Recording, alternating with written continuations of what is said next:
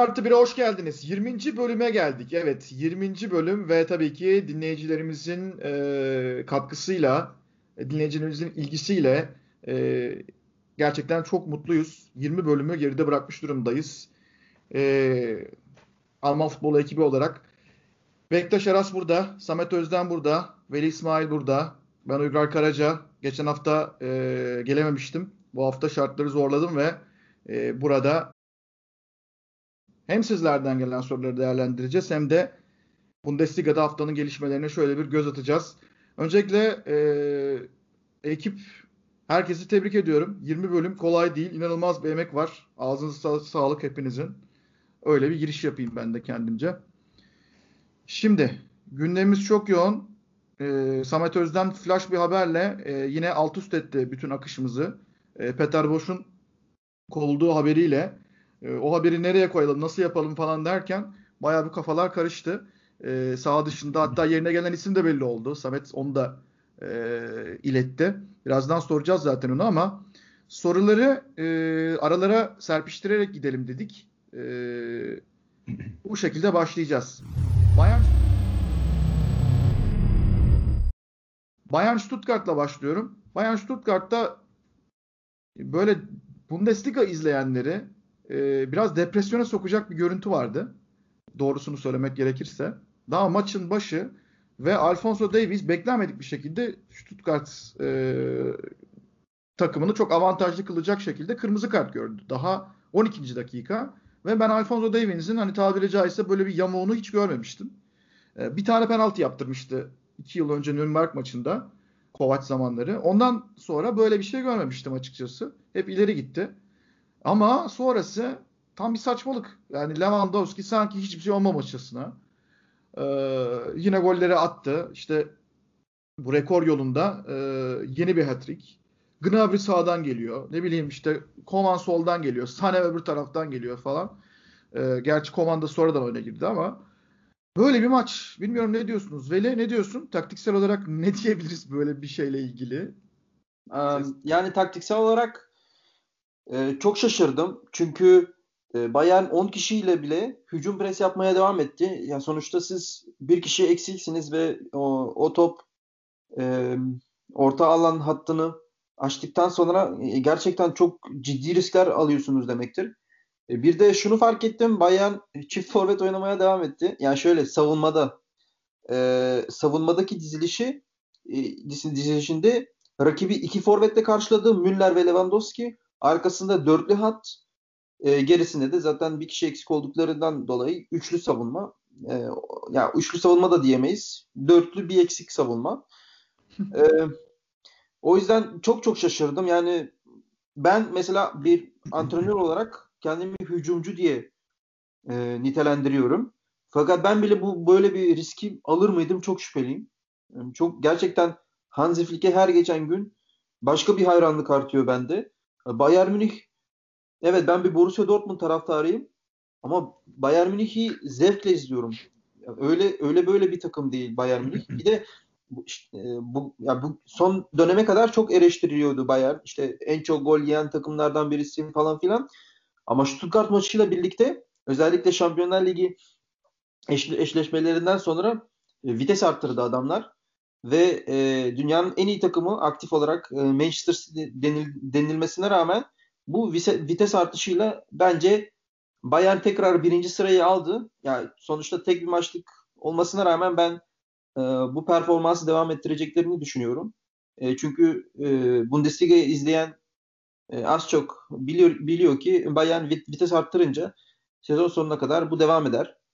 E, NBA'de benzer bir durum var. E, tabii ki Uygar Karaca daha iyi bilir e, basketbolu bizden. E, ama benim bildiğim kadarıyla e, normal sezonda takımlar çok fazla asılmaz. Ancak playofflar gelince gerçek güçlerini ortaya gösterirler. E, Bayern de bir nevi bu sezon böyle bir şey yaptı. E, ger- yani asılmadan da birinciydiler de. E, şimdi vites artırınca zaten fark atacaklar ligde muhtemelen. E, Şampiyonlar Ligi'nde de Böyle neyse ben çok fazla saha dışına çıktım. Ee, saha içinde işte rakibi iki forvetle karşıladılar dedik. Lewandowski'nin harika performansı. Ee, Bayern Münih'in e, sadece kanatlardan değil ortadan yani şöyle söyleyeyim 5 bölge vardır. 2 kanat, bir merkez, bir de 2 de half space bölgesi. Yani Bayern e, resmen her her taraftan hücum etti. Hani sol kanattan e, daha çok mu hücum etti dersiniz ya da sağ half space'ten mi daha çok hücum etti? İkisi de aynı şek aynı eşitlikte. E, iki bölgeden de aynı eşitlikte hücum etti Bayern Münih. E, gerçekten e, diyecek sözüm yok. Hansi Flick e, vites arttırdı. Jupp Heynckes'ten e, beri yani gördüğüm en güçlü Bayern Münih e, bu. Ya bu geçen sezonki ve e, genel olarak Hansi Flick Bayern Münih'i. E, bakalım merak ediyorum. Nerelere kadar, nerelere kadar varır bu iş? Gerçekten çok merak ediyorum. Çünkü Paris Saint Germain'de de az çok üzülüyorum şimdi e, doğrusu. ya şimdi şöyle bir şey var. Ee, o kadar komik ki sanki Hansi Flick böyle bir şey Alfonso Davies'in kırmızı kartı olabilirmiş e, hissiyatını e, yansıtarak e, David Alaba'yı orta saha merkezinde oynattı. Maça böyle başladılar. Ve o yüzden de Davis'in çıkması o kadar az etkiledi ki onları. E, çünkü hani Goretzka zaten orta alanda e, Schalke'deki günlerinde 6 numara olarak izliyorduk Goretzka'yı ve çok aşina olduğu bir rol. E, Thomas Müller e, hani hücuma yönelik oynuyor ama orada zaten hücum presi getirdiği zaman Thomas Müller, Sané, Gnabry önde üçlü baskı yaptığı zaman e, orada bir kişilik eksiklik e, orta sahada bir kişilik eksiklik Alaba'nın sola gelmesiyle çok büyük bir problem olmuyor. E, yani iki rolü de oynayabilen bir oyuncu olduğu için. E, bu arada Gnabry'nin dönüşünün Bayern'e çok ekstra bir güç kattığını düşünüyorum. Bence Gnabry halen e, verdiği katkı tam olarak anlaşılamayan ya da tam olarak e, ifade edilmeyen bir oyuncu. E, Sane sezon başında çok eleştiriliyordu ama o eleştirinin haksız olduğunu e, işin istatistik boyutuna bakacak olursak e, görüyorduk. Çünkü koşma, takıma alan kazandırma, hücum aksiyonu yaratma gibi noktalarda aslında Sane diğerlerinden daha geride değildi. E, zaten hani yedek kulübesi gayet zengin. Tek sorun bence önümüzdeki haftaki Leipzig maçı için söylüyorum. Çünkü şampiyonluk yolu açısından acayip kritik bir karşılaşma olacak şüphesiz o maç. Ee, tek sorun Boateng'in de ceza duruma düşmesi. Davis de oynamayacak. Ee, bu durumda işte sol tarafta herhalde Hernandez'i oynatmak durumunda kalacaklar. Ee, Lucas Hernandez'i ve savunma örgüsünde işte Süle olacak, Pavard olacak, Alaba olacak büyük ihtimalle ve Hernandez olacak e, şeklinde gibi gözüküyor. Şimdi buradan Stuttgart'ta tabii Silas Wamagituka'nın sakatlığına da değinmiş olalım. E, Wamagituka maalesef ön çapraz bağları koptu. O bildiğimiz korkunç e, ACL sakatlığı, ön çapraz bağ sakatlığı sezonu kapattı. Ama bence Stuttgart'ta bir takım dersler çıkaracaktır kendince. Çünkü büyük maç performanslarında özellikle işte Bayern'e karşı ilk maçta böyleydi. E, bir ara umutlanmışlardı ama sonrasında çabuk çözüldüler biraz savunmaya e, odaklanmaları gerekecek daha iyi sonuçlar için. Ligin ikinci yarı karneleri çünkü çok iyi değil. Şimdi buradan haftayaki rakibine geçeceğiz Bayern'in. Leipzig.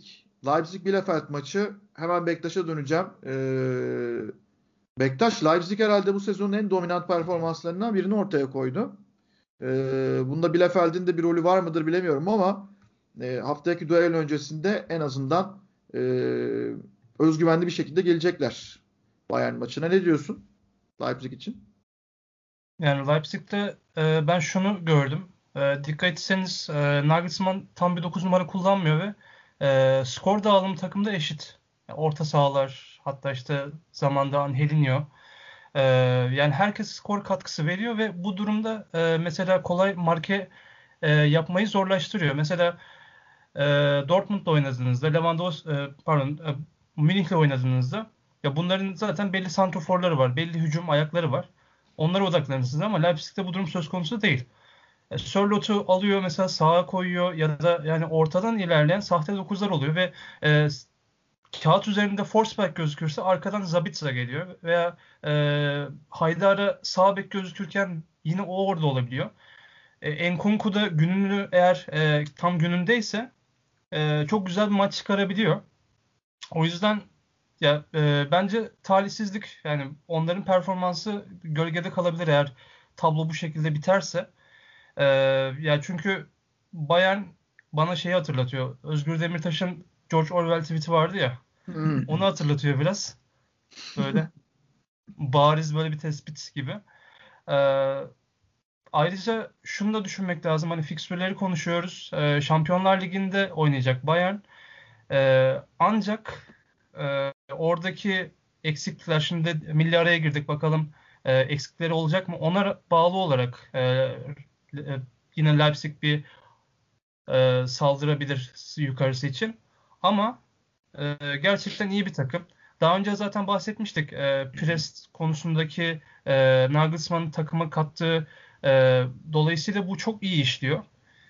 Bielefeld de aslında son haftalarda bir çıkış e, tarafındaydı işin ama yani karşınızdaki takım da maalesef e, ligin ikinci numarası artık. Hani bunu e, yani Dortmund düşünülüyordu daha öncesinde ama Leipzig bence iki numaraya oturdu artık. Çünkü daha stabil bir takım. E, kulüp içerisinde pek bir sıkıntı yok. Angelino haricinde, arada onun tweetleri haricinde pek bir sıkıntı yok. E, o yüzden ben e, Leipzig 2 numaraya koyuyorum ve e, Bayern Münih'in bu sakatlıklar, Covid vesaire gibi sebepler olmazsa hala şansları da ufaktan olduğunu düşünüyorum. E, çünkü Bayern Münih'te e, o maçta Stuttgart maçında şunu ekleyeyim ben ek olarak. Stuttgart çok kötüydü. Ezbere bir oyun oynadılar. Defanstan çıkarken hani topu taşırken çok böyle e, stabil değillerdi. E, rakipleri 10 kişi olmasına rağmen top taşıyamadı. Kolibali orta koridorda oynadı. Sürekli top kaybetti. Zaten performansından çok memnun değiller taraftarlarda. Onu da göz önünde bulundurursak aslında yani Bayern eksiklere bağlı olarak hala e, belki bir hamle daha şansı var Leipzig'in diyorum. Evet. E, şimdi Leipzig maçı ile ilgili bazı istatistikler e, paylaşayım dedim. Çok bence dominant bir galibiyet ve rakip Bielefeld olduğu için e, havada kalmasın. E, bu bilgileri de e, zaman zaman işte konuştuğumuz maçlarla Bundesliga'larla ilgili e, Mustafa Ta bazen aktarıyor. E, onu da e, burada e, ismini alalım. Sağ olsun. Şimdi 2016'da Bundesliga'ya gelmişti Leipzig. O günden bugüne birçok rekor kırdı ama Willi Orban 164 pas yapmış. Sezon rekoru bu maçta. E, fakat daha da önemlisi, daha da çarpıcı olanı Leipzig %81 topa sahip olma oranıyla oynamış. Ve 2013-2014 sezonundan bu yana ligde en yüksek e, topa sahip olma oranı buymuş. Hani şimdi e, mesela Veli karşı çıkabilir diyebilir ki yani topa sahip olma e, çok önemli bir istatistik e, değil. Eskisi gibi değil, anlaşıldığı gibi değil. E, haklı. Ama yine de e, yani %80'in üzerine çıktığınız zaman o maç başka bir şeye dönmüş demektir artık. Mesela Bayer Leverkusen'in birazdan konuşacağız. E, çok dominant galibiyetleri vardı. Mesela Fortuna Düsseldorf maçı 2-0'la kazandılar. %84 topa hakim olmuşlardı. Ben anlatmıştım o maçı şu anda hatırladım. E, Bayern'in Köln'e karşı 2017'de böyle bir maçı var. %80'in üzerine çıktı. Dortmund Freiburg 0-0 bitmiş ama e, o da yine %80'in üzerinde topa sahip olma. Yani gerçekten e, Ralf Ragnick'in e, kontra atak, gegenpress veya işte ani baskılarla, blitz baskılarla e, top çalmaya yönelik oyunu e, top rakipteyken kurduğu oyun artık Nagelsmann'la beraber çok fazla değişmiş durumda. Bu bizim zaten altına çizdiğimiz bir konuydu. E, bu sezon birçok maçta da bu şekilde oynamaya çalıştılar. O yüzden e, Leipzig'i ben yine beğendim. Gölgede kalmasını istemem bu yaptıkları işlerin. Şimdi ben Veli'ye şunu soracağım. Veli senin kendi söyleyeceklerin de vardır. Onları da eklersin tabii ki. E, ilginç bir e, konsept kullanıyor. Julian Nagelsmann. O da şu. Sol tarafta Amadou Haydara'yı sol kanat beki olarak Angelino hani tweet atıyor ya işte ben oynamıyormuşum bu hafta. Aa işte sakatmışım Allah Allah falan gibi böyle manidar tweetler atıyor ama e, sol tarafta Amadou Haydara'yı kullanıyor ters ayaklı oyuncu. E, ve bir şekilde çok işe yarıyor bu bence. Çünkü soldan sağ ile içeri girdiği zaman oyuncu bir anda savunmanın dengesini o asimetride çok bozuyor. Çok benzer bir yaklaşımı mesela Braga'da Portekiz Ligi'de anlattığım için görüyorum. E, Galeno diye bir sol kanat bekleri var. Aynısını yapıyorlar. Ve sağla sürekli içeri giriyor Galeno. Bayağı etkili. Bunda ne kadar ısrarcı olduğunu Nagelsmann'ın şuradan anlıyorum. E, şeyi çıkardı. Haydara'yı çıkardı. O, oyuna aldığı oyuncu Benjamin e, Hendricks oldu. Hendricks de normalde sağ e, kanat beki olarak oynayan bir isim ama o da ters ayakta girdi oyuna. taktiksel olarak bence bu yarattığı asimetriyle e, Leipzig'in ilginç yaklaşımları, Nagelsmann'ın teknik direktörlüğü konusunda fikirlerini vermeye devam ediyor. E, Veli burada senden görüş alacağım. Ondan sonra Samet'e döneceğiz. Yani şimdi ben kendi takımımdan örnek vereyim. Bizde Sırp bir çocuk var Branko diye. E, bu çocuk sağ kanat oynuyordu. E, ben orada yardımcı antrenörüm biliyorsunuz. Antrenör, hocaya dedim ki e, bu çocuk çok fazla e, hücum katkısı veriyor da defansifi de çok iyi. Biz bunu sağ bekte deneyelim. Neyse sağ bekte denedik. Bambaşka oynamaya başladı. E, bir maçta sol bek sakatlandı. Branko'yu sol beke geçirdik abi. E, ve biz şunu fark ettik. Branko e, evet bir bek gibi çizgide çok etkiliydi. Ancak sağ ayaklı olduğu için içeriye doğru da gidiyor, gidiyordu ve bize artı bir avantajı sağlıyordu bütün pozisyonlarda. Yani bu gerçekten e, ters ayak meselesi gerçekten e, inanılmaz önemli. Zaten sen söylemiştin. E, çok güzel açıkladın.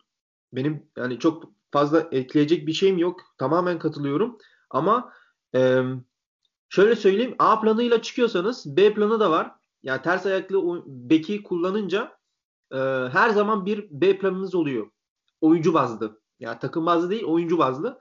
Çünkü e, takım aynı sistemde devam etmesine rağmen siz oyuncuya diyebilirsiniz ki içeriye doğru gir. Ve bu defa e, tek bir oyuncuyla aslında rakip takımın bütün e, dengesini e, bozabilirsiniz. E, yani bütün takımını ge- geriş- değiştirmeye de gerek yok. Yani şöyle söyleyeyim, oyuncuya demişsiniz ki işte e, topu alınca çizgiye doğru bak, oradan pas at. Baktınız 20. dakikada olmuyor. olmuyor. E, bu sefer de dersiniz ki topla dribbling yap, içeriye doğru ama. Ve bu ters kaya, ka, ka, ters ayaklı bek oyuncularında gerçekten çok çok işe yarıyor. E, modern futbolda e, pek fazla örneğini görmedik. E, ben öyle düşünüyorum. Yani şimdi sen e, Portekiz liginden bir örneğini gösterdin. E, ama her ligde yok. Bence hala e, az kullanılan taktiklerden veya e, yeniliklerden diyelim, inovasyonlardan birisi e, ters kanatlı be, ters kanatlı bek. E, doğrusunu söyleme gerekirse ben 2020 yıl 20'li yıllarda bunun ya aslında ben 2015'ten sonra bunun trend olacağını zannediyordum da galiba 2020'li yıllarda trend olacak. E, her her haliyle e, bir avantaj sağlıyor. E, söyleyeceklerim bu kadar. Evet. Samet senin bir notun vardı galiba. Evet. Ben Bektaş'ın e, söylediği bir cümleye yorum yapacağım. Daha doğrusu ekleme yapacağım. Bektaş şey dedi. Leipzig'in ikinci sıraya yükselmesi. Hani popülarite ve hani oyun anlamında. Bu sadece Bektaş'ın e, yorumu değil. E, hepimizin tanıdığı ve çok konuşan bir isim olan Uli Hoeneß. E, biliyorsunuz RTL'de e, milli takımı yorumlamaya başladı e, ilk programına çıktı milli takım maçları öncesinde ve o da aynı fikirde. Yani özellikle Leipzig'in bu sezon ortaya koyduğu olağanüstü bir performansla beraber artık Bayern'in takipçisi olarak Borussia Dortmund'u değil Leipzig'i gördüğünü e, belirtti ki herhalde Dortmund olarak da hepimiz hemfikirizdi bu konuda.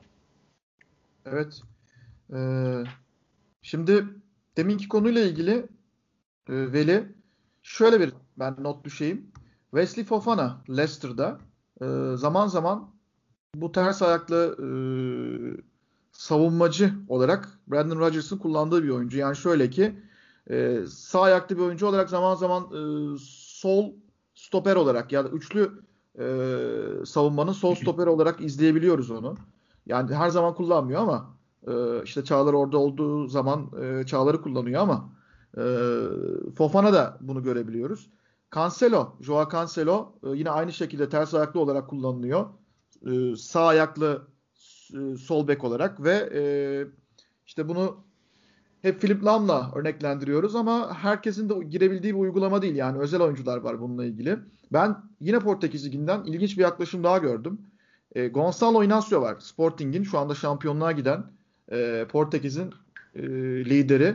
Gonçalo Inacio 19 yaşında bir savunmacı ve sol ayaklı bir savunmacı. Sağ stoper olarak kullanıyor onu. Ee, Ruben Amorim orada antrenörleri. Genç teknik adam. Yenilikçi o da senin gibi.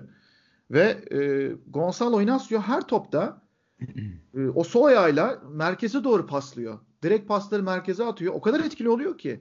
Yani bunlar e, çok üst düzey futbolda her zaman yakalayamayacağınız detaylar. Biraz daha başka liglere, alt liglere baktığınız zaman bu tarz taktiksel yenilikleri, e, çeşitlilikleri görebiliyorsunuz, yakalayabiliyorsunuz ve bunlar aslında modern e, futbol kavramlarına yön veren yaklaşımlar. O yüzden ben e, Leipzig'i de bu bağlamda izliyorum e, ve gerçekten çok keyif aldığımı söyleyebilirim. Şimdi tabii milli ara olacak. E, Sadece araya... bir soru soracağım. Savunulması en zor paslar hangi paslardı? Diagonal paslar. Diagonal işte bu yüzden ters ayaklı e, oyuncular diagonal pasları sağlıyor sana ve rakip takımın savunmasını kırıyor. Savunmanın direncini. Şimdi Dortmund'a geçeceğiz birazdan ama e, açıkçası Dortmund'a geçmeden önce ben şeye sabırsızlanıyorum. Leverkusen ve Peter Bosch e, mevzusuna sabırsızlanıyorum. e, o konuda hemen Samet'e döneceğim. Samet flash haberlerle e, karşımızdaydın yine. Ben böyle yazdığını gördüm. Gözlerime inanamadım ama. ben de yazarken inanmadım zaten. Neler oldu? Abi kovuldu. Çok da güzel oldu yani ne diyeyim. Geç bile kaldılar. Ee, hep zaten dün de gruptan bunu konuşmuştuk hatırlarsan Veli ile. İşte kovulmalı mı işte şans tanınmalı mı e, neden böyle oldu olmadı vesaire. Ee, bence artık yönetim de tahammül edemedi Peter Boş'a ki yanılıyorsam düzeltin. Yani Boş öncesinde de zaten Leverkusen hücum felsefesini benimseyen bir takımdı diye hatırlıyorum. Yani Boş evet Boş da öyleydi ama artık hücum ediyoruz da hocam hani savunmada neler oluyor e, dedi muhtemelen Rudi Föller. E, yani ben uzun zaman sonra Leverkusen'i izledim diyebilirim. Bir yarı da olsa. E, sanki Schalke'li oyunculara Leverkusen forması giydirmişler gibi. Yani saha dışında bir problem var gibi. Yani bir işte hani grupta da yazdığım gibi hani iş ilişkilerinde bence çok sık yaşanan bir durum. Hatta ikili ilişkilerimizde, aşk hayatımızda bile olabilir. Hani bir sorun yoktur ama bir anlaşmazlık vardır. Yani hani adı konmamış bir şey. Yani Leverkusen kötü takım değil.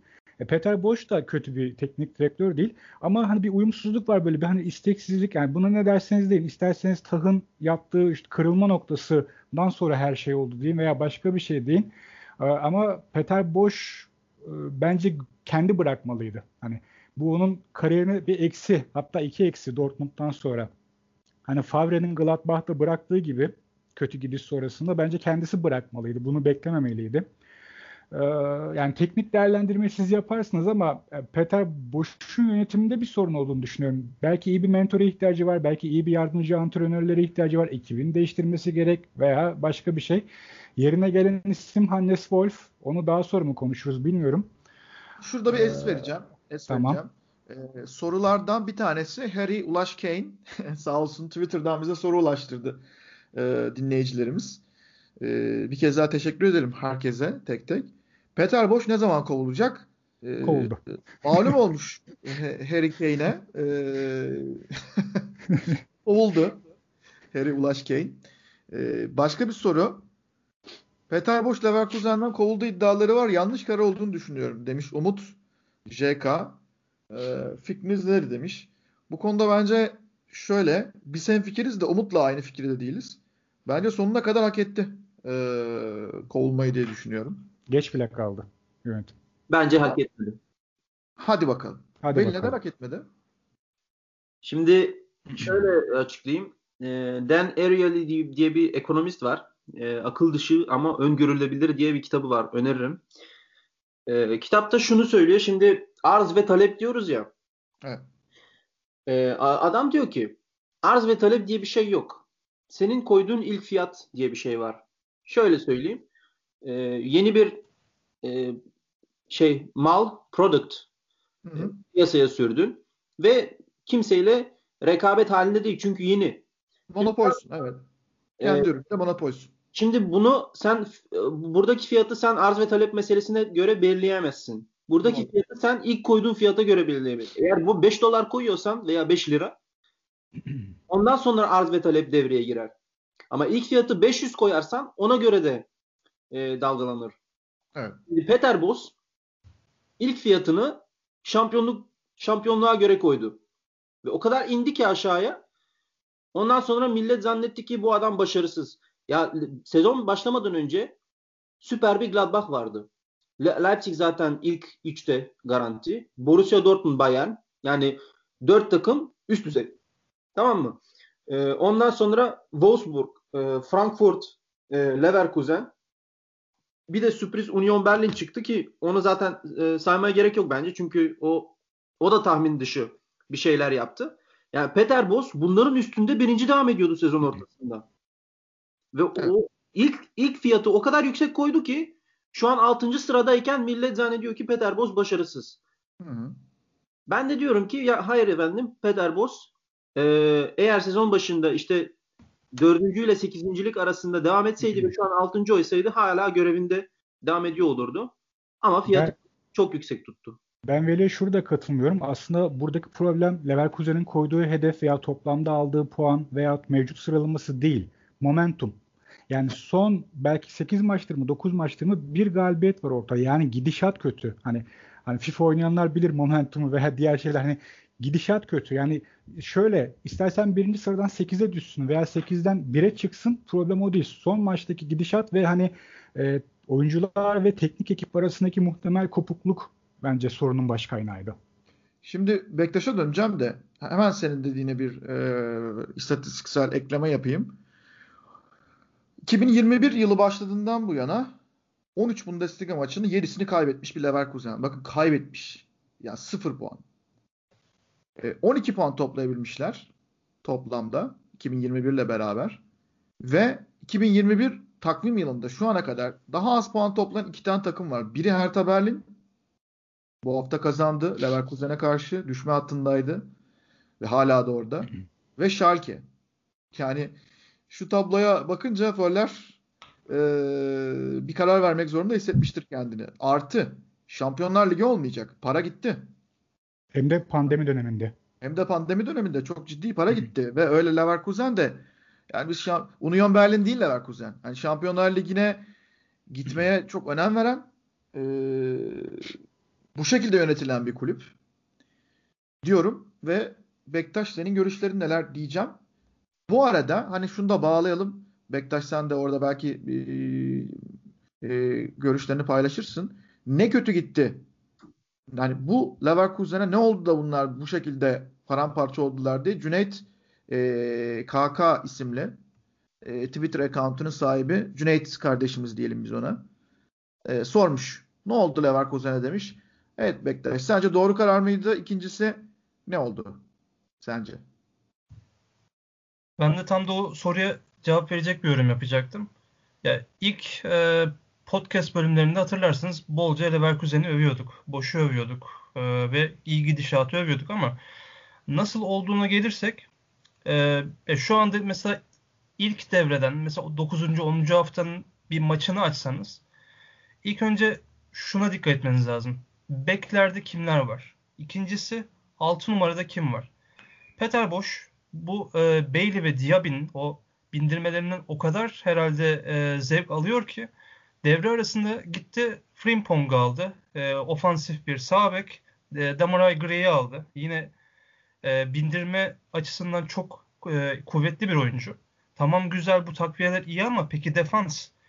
Şimdi e, Yedvay kardeş pardon Bender kardeşler bırakıyorlar. E, stoperde Tapsova tah tah gördük. E, kritik bir hata yaptı. Tabii ki tüm sezon onunla bağlı değildi ama e, ya burayı ya göz ardı etti ya da görmek istemedi bilmiyorum. Yani 6 numaraya Aranguiz döndü. Büyük umutlar da vardı. Ama Amiri ve e, yanında artık kim oynuyorsa o beraber daha iyi yapıyordu bu işi ilk yarıda. Yani bunun bu hale gel- gelmesinin sebebi aslında bu. Ki e, ilk devrede hatırlarsınız çok dar bir kadroları vardı yedeklerde işte 4 tane 5 tane oyuncu vardı. Hatta 2-3 tanesi Türk asıllı U19 oyuncularıydı. Ee, üzerine Hradecki e, sakatlandı.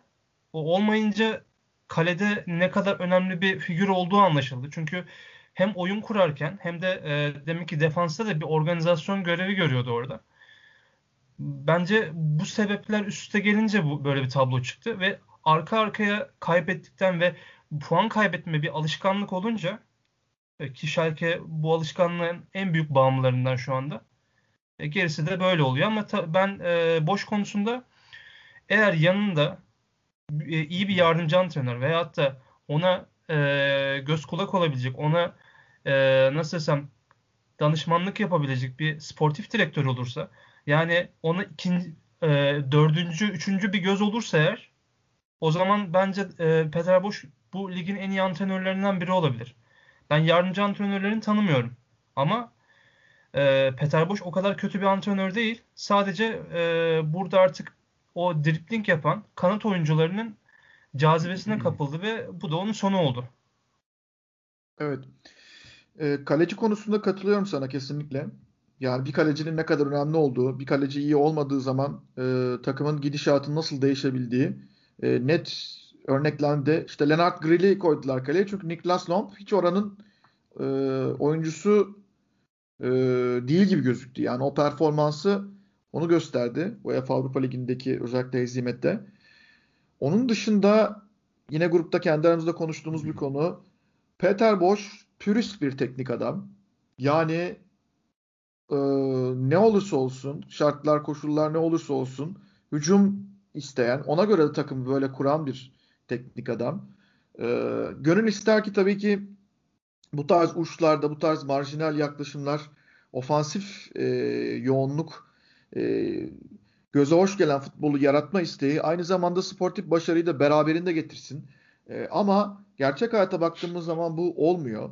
E, bunu böyle yapıp da başarı olabilen takım sayısı tamamen hücum edip de başarılı olabilen takım sayısı yani sıfıra yakın çok azdır. Mesela bunun örneğini demin e, Veli sağ olsun hani e, bana dedi ki sen NBA takip ediyorsun daha iyi belki bilebilirsin. E, şöyle bir yorum yapabilirim. Houston Rockets vardı geçen sene. E, proje çöktü. Yani e, işte orada Daryl Morey vardı. E,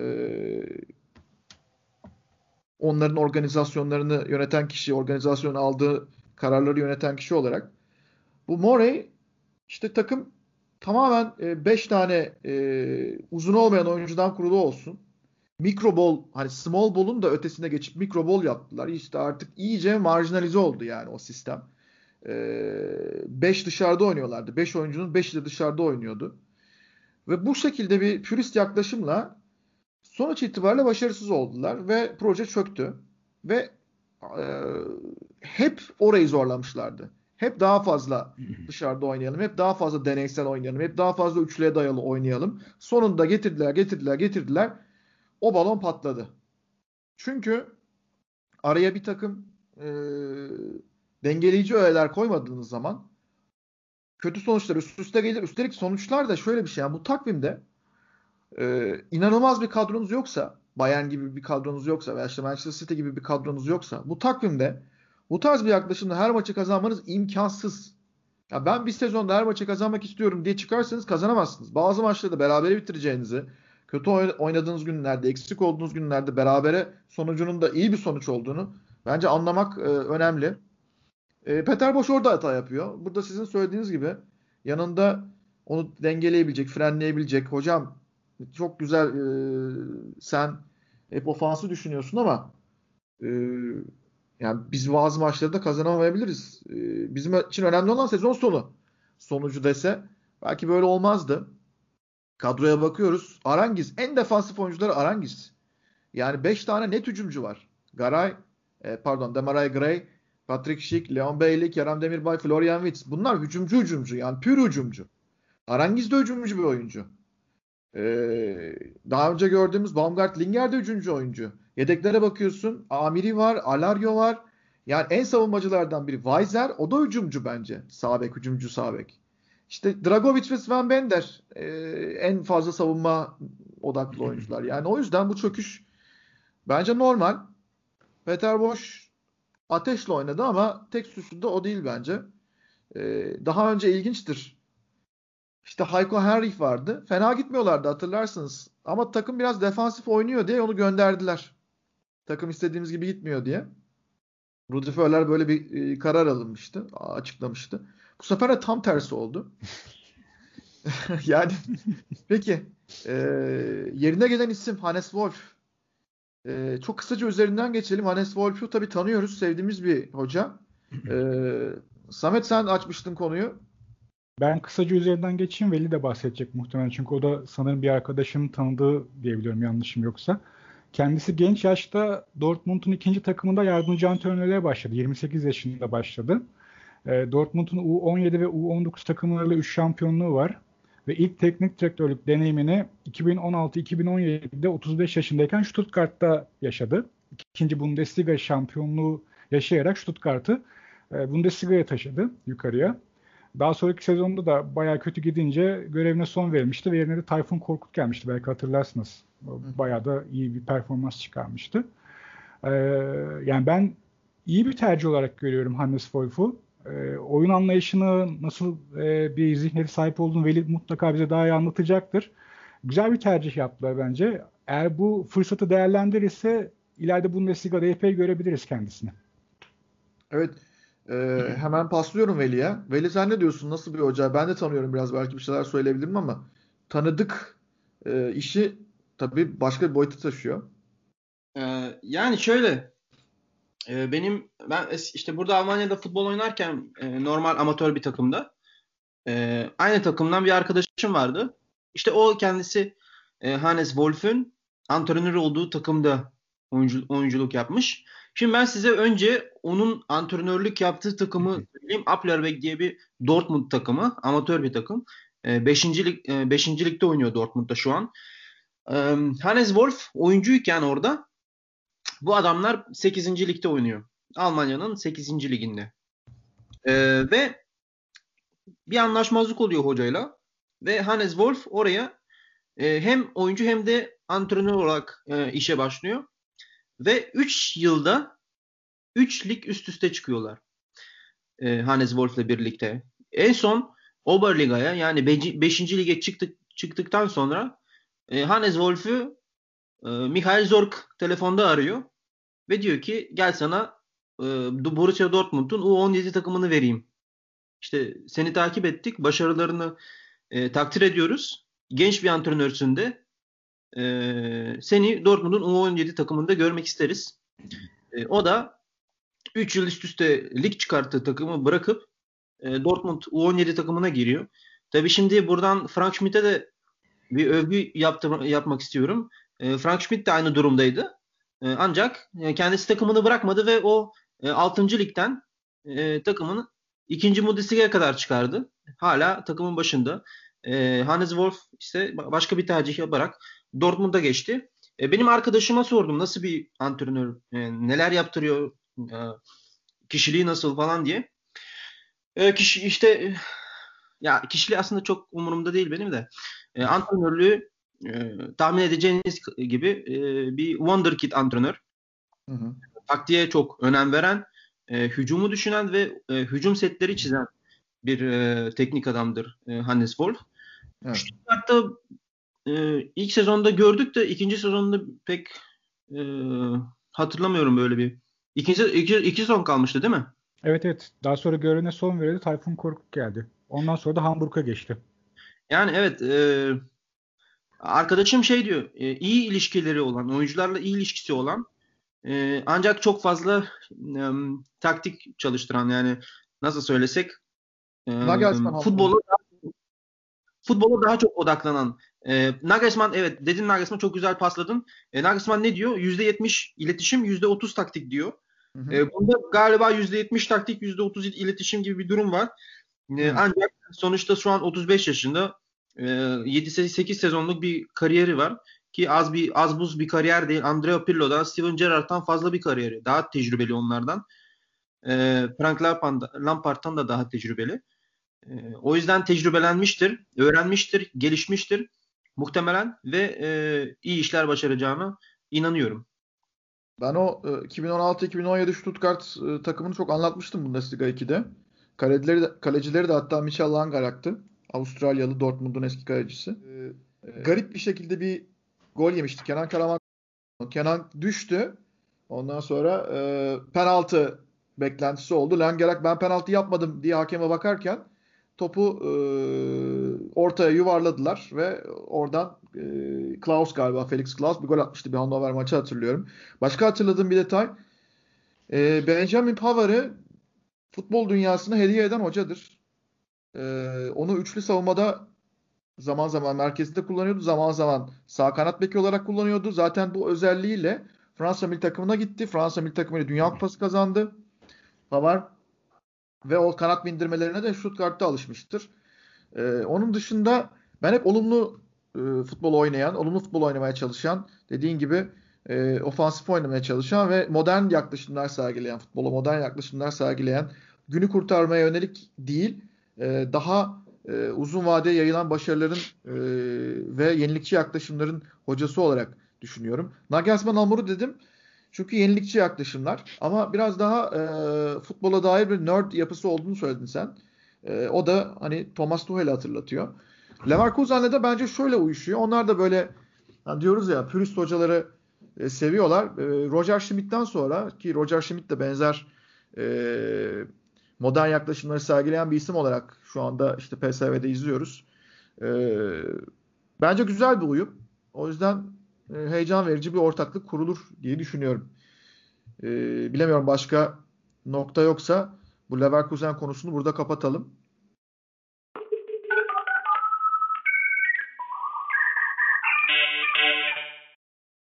Bir düşme hattına gitmek istiyorum ama Leverkusen Hertha Berlin e, maçı düşme hattını ilgilendiren bir maçtı. Düşme hattına gitmeden önce e, hani Köln Dortmund'la biraz bağlayayım düşme hattı mevzusunu. Çünkü sonuçta Köln de düşme hattında sıkıntı yaşayan bir ekipa ve Dortmund'dan yine puan almayı başardılar. E, Dortmund'la ilgili çok fazla not var mı bilmiyorum o maça dair. Yani Dortmund'un bu seneki hedefi artık Şampiyonlar Ligi şeklinde. E, düzeltiyorum e, tabii Şampiyonlar Ligi'nde bu seneyi kurtarmak şeklinde. Normalde Şampiyonlar Ligi'ne gitmek bu sene Dortmund için bayağı zor gözüküyor. Veli Dortmund ile ilgili belki yorumların vardır. Ondan sonra bu düşme hattındaki savaşa Hertha Berlin'le, Köln'le ve hatta Hoffenheim, e, Mainz'la beraber bakalım istiyorum. Schalke ile beraber bakalım istiyorum. Ama önce senden bir Dortmund alalım. Ya aslında çok basit. Edin Terzic seviye maçında oyuncuları nasıl e, motive ettiyse bu maçta edemedi inandıramadı oyunculara bu maçın önemli olduğunu. E, o yüzden e, puan kaybettik. Haaland'ın ilk e, dakikalarda gelen golü e, sanırım Borussia Dortmund birkaç maç aradan sonra ilk defa ilk yarıda gol attı. E, yani ben şöyle düşünmüştüm doğrusu söyleme gerekirse. Haaland gol, gol attıktan sonra e, Köln daha çok e, hücum edecek. E, dolayısıyla daha çok alan bırakacak. Yani düz mantık. E, ardından Dortmund'da kontrataklarla e, veya Haaland'a uzak, atılan uzak uzun toplarla e, skoru daha da e, büyütecek diye düşündüm. Fakat e, gerçekten oyuncular inanmadı bu maça. E, hak, et, hak edilmiş bir puan kaybı. E, Köln isteyerek, savaşarak hani gerçekten teknik olarak sınırlı e, bir kapasite olmasına rağmen e, Köln takımının e, her pozisyonda işte e, yere yatarak müdahale eden işte yerde olmasına rağmen hala e, he, her an e, en hızlı şekilde kalkıp da topun arkasına koşayım modunda olan bir Köln takımını e, gördük. Çok ilginç bir şey oldu maçta. Haaland gol kaçırdı. E, iki defa hem de. Son zamanlar e, göremediğimiz bir şey. E, izlemeyen varsa maçı sırf bu yüzden açıp izleyebilir yani. Haaland gol kaçırdı. Buradan Ender görülen bir doğa olayı diyorsun. Öyle bir şey evet. Öyle bir şey. Ya şimdi bu Dortmund'un e, son maçtaki isteğini görünce e, bana öyle geliyor ki ya tabii ki samimi düşüncem değil. Sadece son maçlık son maçın üzerinden yapılmış bir yorum. Bana öyle geliyor ki sanki Şampiyonlar Ligi'ni kazanıp Şampiyonlar Ligi'ne gitme ihtimaliz daha yüksek e, ilk dörtte girmekten. E, gerçekten çok istek, isteksizlik deyip ben e, topu Samet abiye paslıyorum. Yok ben de Uygar'a geri paslıyorum. Hiç tamam. konuşmak istemiyorum. Çünkü evet. çok kötü bir şeydi. Konuşmak istemeyeceğim bir maçtı. Yani e, Köln'ü bu sene bir kere bile yenememiş olması mesela Dortmund'un komik bir şey. Kesinlikle. E, Köln büyük maçları iyi oynuyor aslında. Yani Leipzig'den puan aldılar. Tuhaf bir şekilde düşme hattında e, birazdan konuşacağız. Benim güçlü adaylarımdan biri ama Dortmund'a karşı bir maç aldılar. Bir maçı da berabere bitti. Eee Geçen hafta işte e, Mert bahsetmişti.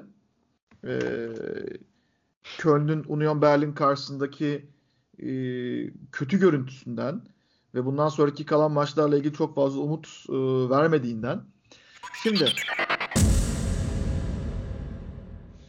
Arminia Bielefeld'den bahsettik. Leipzig'e yenildiler ve şu anda 17. sıradalar. 22 puanları var. Schalke zaten son sırada 18 puanda. Şey 18. sırada 10 puanda. Ee, Köln, Mainz, Hertha, Augsburg, belki Werder Bremen. Önce Schalke'yi aradan çıkartalım. Schalke ile ilgili sorular vardı. Schalke playout oynayabilir mi sorusu gelmiş. Ee, Saygın Yiğit Ünalan'dan. İyi bir teknik direktörle bu iş olur mu ee, demişler. Bence Schalke playout oynayamaz. Schalke bence artık düştü gözüyle bakabiliriz. Karşıt fikri olan var mı ekipte? Muhtemelen olmayacaktır. Yok. Schalke'yi düşürdük biz. Düşür, hayırlı Yalnız olsun. düşmezse çok komik olacak ama Saygın'ın sorusu öyle. Ee, iyi bir teknik direktörü o sorunun o kısmını diğer tarafa bırakacağım. Ralf Ragnick Fenerbahçe'ye gelir mi sorusuna bırakacağım ama önce şu konudan bir çıkalım. Ee, bir başka soru e, European Football Fan isimli Twitter account'u Twitter hesabı. Bundes, ikinci Bundesliga Schalke'ye kimler eşlik eder? Sizlerin en büyük adayları kimlerdir demiş. Hemen Bektaş'a dönüyorum. Bektaş adayların kimler ve neden? Şu anda Köln ve Bielefeld e, diye düşünüyorum. Çünkü Mainz bir çıkış yakaladı ve devamını getirecekler. Çünkü bir felsefe oturttu Bo Svensson. E, Dardai'nin takımı da diğerlerine göre kağıtlarını çok daha iyi ve belki bu galibiyetle e, daha yukarılara gidebilirler. Yukarılardan kastım tabii ki e, puan tablosunda aynı yerde kalıp puan olarak yukarı gitmek. E, ya Bielefeld de aslında tek direktör değişimiyle iyi bir e, hava yakaladı ama onları relegasyon noktasına koydum ben kafamda. Yani Köln maalesef Gistol ve e, tazminatı sebebiyle onunla birlikte herhalde ikinci lige düşecekler. E, ama taraftarları dediğim gibi yani olsun gideriz. Orası daha güzel falan diyorlar şu anda yani. Yani kendilerini bu şekilde kandırıyorlarsa e, tamam geleneksel kulüpler orada. Ama e, yani para da burada açıkçası. Birinci Bundesliga oyna, oynamakla ikinci Bundesliga oynamak arasında yayın geliri olarak dağlar kadar fark var. Belki bir Premier League Championship arasındaki Tabii ki. fark kadar değil ama e, Ya oraya benim mentalite farkı var biraz. Ya, e, şimdi orada biraz da kulüp tutma kültürü şöyle. Yani insanlar şehirlerin e, takımı tutuyor ve yani kazansa da kaybetse de bir entertainment olarak bakıyor. Yani e, mesela burada işte en son derbi vardı. Ortalık yangın yeri oluyor. Ama oradakiler yani e, ne kadar kazanmak için oynarsa takımınız hatta yani yukarılara giderse o kadar stres oluyor ve taraftarlar da buna huzursuz oluyor. Ya kimisi diyor ki yani ne olursa olsun ben stadıma giderim. Ya çok umurumda değil diyor yani. Tam tersi böyle çok fazla spot ışığı altında olmak e, bazı taraftarların pek tercih olmuyor. E, öyle bir bakış açısı diyeyim ben de. Hmm. Ya bu konuda Bektaş e, haklı olmakla beraber şöyle bir ayrım yapabilirim.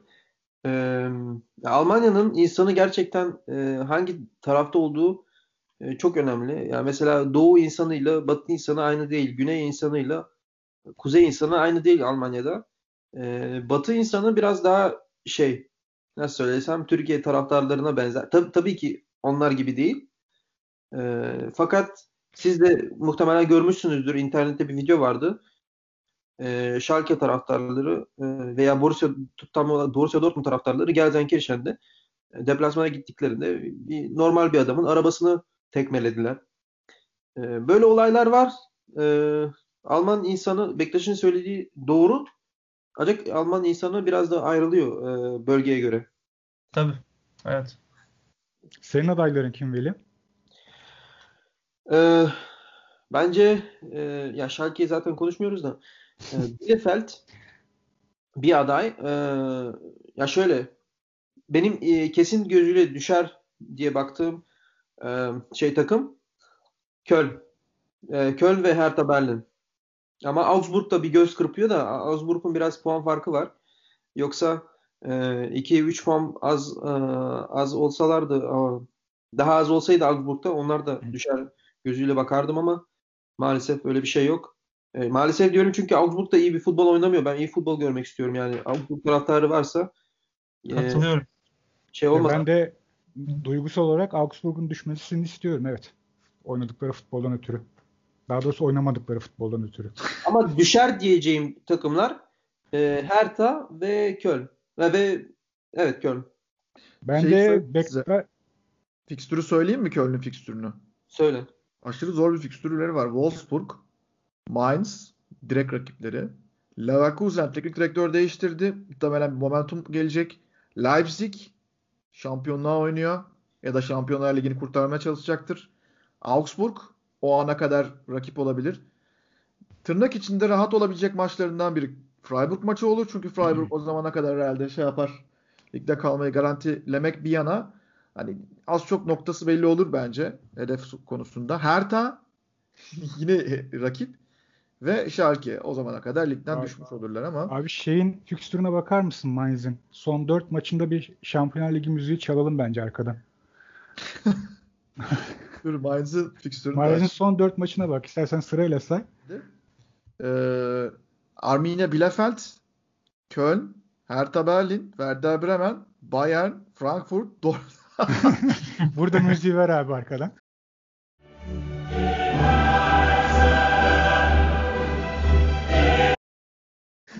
Abi de Wolfsburg varmış son hafta. Tabii Rahatla yani da 4 olsun haftada kardeşim. topladı topladı abi. Ondan sonrası sıkıntı. Benim de adaylarım Bektaş gibi. Yani Bielefeld ve Köln ama 16-17'yi belirleyemiyorum. Köln'ün fikstürü çok kötü. Mainz'ın hani pozitif futbolundan biraz umudum var. O ilk 4 maç için. Ee, Son 4 maç e, maçta belki Dortmund'dan falan bir puan alabilirler. Bilmiyorum bizden. Ee, Ama Bielefeld'de Köln diyorum. Nasıl? Ama çok konsantreler. Evet evet pozitif, pozitif futbol var. Çok iyi bir oyun oynuyorlar ama hani ilk 4 maçta zaten hep birbirleriyle oynuyorlar. Diğer takımlara da bak mesela Hertha Berlin'e, Augsburg'a falan bak. Hep birbirleriyle oynuyorlar. Yani aslında ne olacağı çok da belli olmayabilir. Sen Evet. ne diyorsun Uygar abi? Benim de birinci adayım eee Schalke'den sonra hani direkt kim düşer sorusunun cevabı benim için de Köln'dür. Eee, bu sezon en az etkilenerek izlediğim takımlardan biri. Yani izlerken bana çok fazla bir şey söyleyen bir takım değil. Ya Bielefeld eee, yanlış zamanda gönderdi hocayı bence. Neuhaus onu konuşmuştuk. Eee, buradan çıkmalarını isterim. Yani bu noktadan çıkmalarını Bence hala mümkün. Bu arada puan durumu da şöyle söyleyeyim. 14. sırada Hertha var 24 puanda. Mainz 24 puanda. 15. sırada relegasyon playoff'u oynayacak olan takım şu anda Köln. 23 puanda. Hani bu hafta bitse öyle olacaktı. Direkt düşenler Arminia, Bielefeld ve Schalke şeklinde gözüküyor. Schalke 10 puanda, Bielefeld 22 puanda. Ama bir başka deyişle 14. ile 17. arasında 2 puan fark var. Her an değişebilir. Benim adayım dediğim gibi Schalke'nin dışında Köln. Ee, relegasyon playout'unda Arminia Bielefeld olursa ligde kalır. Hertha Berlin olursa bilmiyorum. Augsburg'da uzaktan bir adayım benim sizlerde e, gördüğüm gibi. Yani sizler de böyle düşünüyorsunuz gördüğüm kadarıyla. E, Köln galiba seçtik biz. Hani Evet. düşecek takım olarak. Bektaş bir itirazın var mı? Ya da bir başka bir önerin? Yok ben de öyle düşünüyorum. Ben de Köln dedim. Şöyle Bielefeld kalır dedin ya playout'ta. Aslında aşağıdan da kimin geleceği çok önemli. Bence. Hı hı. Hani Hamburg falan gelirse bilmiyorum. Yani Hamburg Ama çıkamaz. Bielefeld Ya playout'ta Hamburg gelirse Hamburg çıkamaz. Maçlarını alamıyor bunları. Hamburg herhangi bir şekilde çıkamayacak gibi duruyor. Klasik uğursuzlukla beraber. Evet. Ya şöyle bir şey var. Playout'ta e, iki maç olduğu için böyle savunmada kalan, işte ne bileyim e, sabırlı oynayan, e, biraz daha böyle turnuva takımları daha başarılı oluyor. Bielefeld e, eliminasyonlu o usulde bence başarılı olma ihtimali yüksek. Bütün sezonu böyle geçirdiler çünkü. Yani topu rakibe bırakıp ondan sonra savunmaya odaklanıp kendi iyi bildikleri işleri yapıp bir gol atsanız orada deplasmanda büyük bir avantaj ele geçiriyorsunuz. Bundesliga iki takımları da bu konuda kötü şöhretli. Yani bir türlü relegasyonu işte geçen sene, önceki sene Union Berlin başarmıştı. İyi de abi şimdi dünyanın en saçma sistemi playout sistemi değil mi? Yani doğruyu doğru e, adamlar e, Bundesliga'ya çıkınca hangi bütçelerle oynadığı belli. İkinci Bundesliga'nın hangi bütçelerle oynadığı belli. Samet abi açabilir biraz konuyu. E, e, gayet doğal yani bu playout'a kalan e, ikinci Bundesliga takımının çıkamayışı gayet doğal bence. Yani Bütçe sen bir kenara ben 34 haftalık bir emeğin 2 haftaya daraltılmasını çok mantıklı bulmuyorum. evet evet. Bence de katılıyorum ya. Çok saçma. Zaten Ama bir işte- istatistik vardı ya son 10 sezonda mı ne 3 takım mı ne yani sadece ikinci Bundesliga'dan çıkabilmiş. Ya bir ara şey vardı hatırlasanız da Wolfsburg 16. bitirmişti. Üçüncü de galiba Braunschweig'dı. Yani sizce hangisi kalır? Kaldı zaten. Wolfsburg kalan oldu. Ama o sezon çok e, mucizevi kaldılar ya. Ya düşeceklerdi Evet, yani. Şu var. Bundesliga'da kendince birinci ligin kalitesini korumak için e, son bir teste daha tabi tutuyor. Yani orada tepedeki takımlarla buranın yani ikinin teke- tepedeki takımlarıyla birinin alttaki takımları arasında bir seviye farkı halen olabilir diyor. Ne olursa olsun diyor. Hani bir de ikisini beraber görelim diyor ama e, evet biraz hakkaniyeti zedeleyen bir şey. Bir de yani şöyle bir şey var. Genellikle Bundesliga 1'in altındaki takımlar daha defansif oynayan ve son haftalarını, son 10 haftasını belki benzer şekilde tansiyonu yüksek maçlar oynayarak geçirmiş takımlar oluyor. Ve e, bir pratik gelişiyor orada. Yani bu maçları nasıl oynayacaklarına dair kafalarında net bir şema oluşuyor.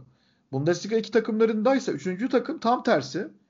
Onlar bir an önce e, Bundesliga gidebilmek için ya gol atmaya genellikle yönelik oynuyorlar. E, mesela şimdi Greuther Fürth gelecek oradan belki. Belki Kiel gelecek. Bunlar olumlu futbol oynamaya çalışan takımlar olduğu için e, şey de e, farklı. Yani oradaki kafa yapısı da iki takımın son 5 hafta, 6 hafta, 10 hafta oynadığı e, futbolun kafa yapısı, mantalitesi de çok farklı. Bu da çok etkin bir şey. Bence oradaki playout'un kimin kazanıldığı e, belirlenme hususunda. O yüzden dezavantajlılar tabii ki. O yüzden e, Bielefeld eğer giderse e, bence avantajlı olur playout oynayan takım olarak. Orada şuna değinelim mi son? Hiç konuşmadık ama bir de Alperen doğrudan bir soru vardı. Werder Bremen'le alakalı. Hani Werder'i hiç konuşmadık ama hani Augsburg'un sadece bir puan üzerinde. Hani ne diyorsunuz? Potaya girer mi? Ya da bu sezonki değerlendirmesi. O da yine kötü oynayan grupta bu arada. Oyunu beğenilmeyen grupta. Ee, açıkçası böyle biraz karma varsa Augsburg'la Werder Bremen bir anda aşağı doğru bir ivme yakalarlar. Yalnız Ama- fikstürü de acayip zor ha. Şimdi bakıyorum Stuttgart var. Ee, kupada e, çeyrek final olması lazım ya da yarı final. Sonra Final. Leipzig, Leipzig, Dortmund, Union Berlin, e, Mainz'la var, Leverkusen var, Gladbach var, Augsburg var. Yani oho.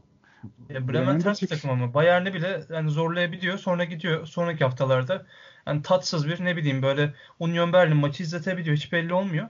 Ama ben de yani oyunlarını beğenmediğim için en azından bir relegasyon noktasına yaklaşsınlar isterim. Biraz daha yani yakında o ateşi hissetmelerini isterim ben. Ee, ben bir şey daha soracağım. Ee, lig 20 takıma çıkarılmalı mı? Evet hayır şeklinde kısaca cevaplar mısınız? Hayır. Öyle bir söyle öyle bir söylenti de vardı sanki. Cipsi kola aynalı kilit Samet. Hayır, Hayır. dedik aynı anda ya. Ha. Bunu da eskiler hatırlar. Ben de nine diyorum. Evet. Bence de gereksiz. Yani Kim sormuş ki bunu? 21 takım olsun abi. Olmaz mı? Düşmesinler değil mi hatta Ya, böyle? ya, hatta düşme de kaldırırsın falan böyle. Duyduğuma göre bazı inovatif liglerde bu uygulama e, geleceğin uygulaması olarak değerlendiriliyormuş diye duydum ben. Hani hangi ligler bilmiyorum ama e, oldukça üst düzey gelişmiş liglerde bu tarz uygulamaları e, görebiliyoruz zaman zaman. Neden olmasın? İradesi, Mars iradesi yükseklikler diye biliyorum ben. Böyle kuvvetli ira- iradelerin olduğu. E, Buyurun. şey bir konuya bahsetmek istiyorum. Ben takipçilerimizden e, Schalke umudu görüyorum. Gözlerinde pa- parıldıyor. Ben de ufak bir hikaye anlatmak istiyorum Schalke ile ilgili.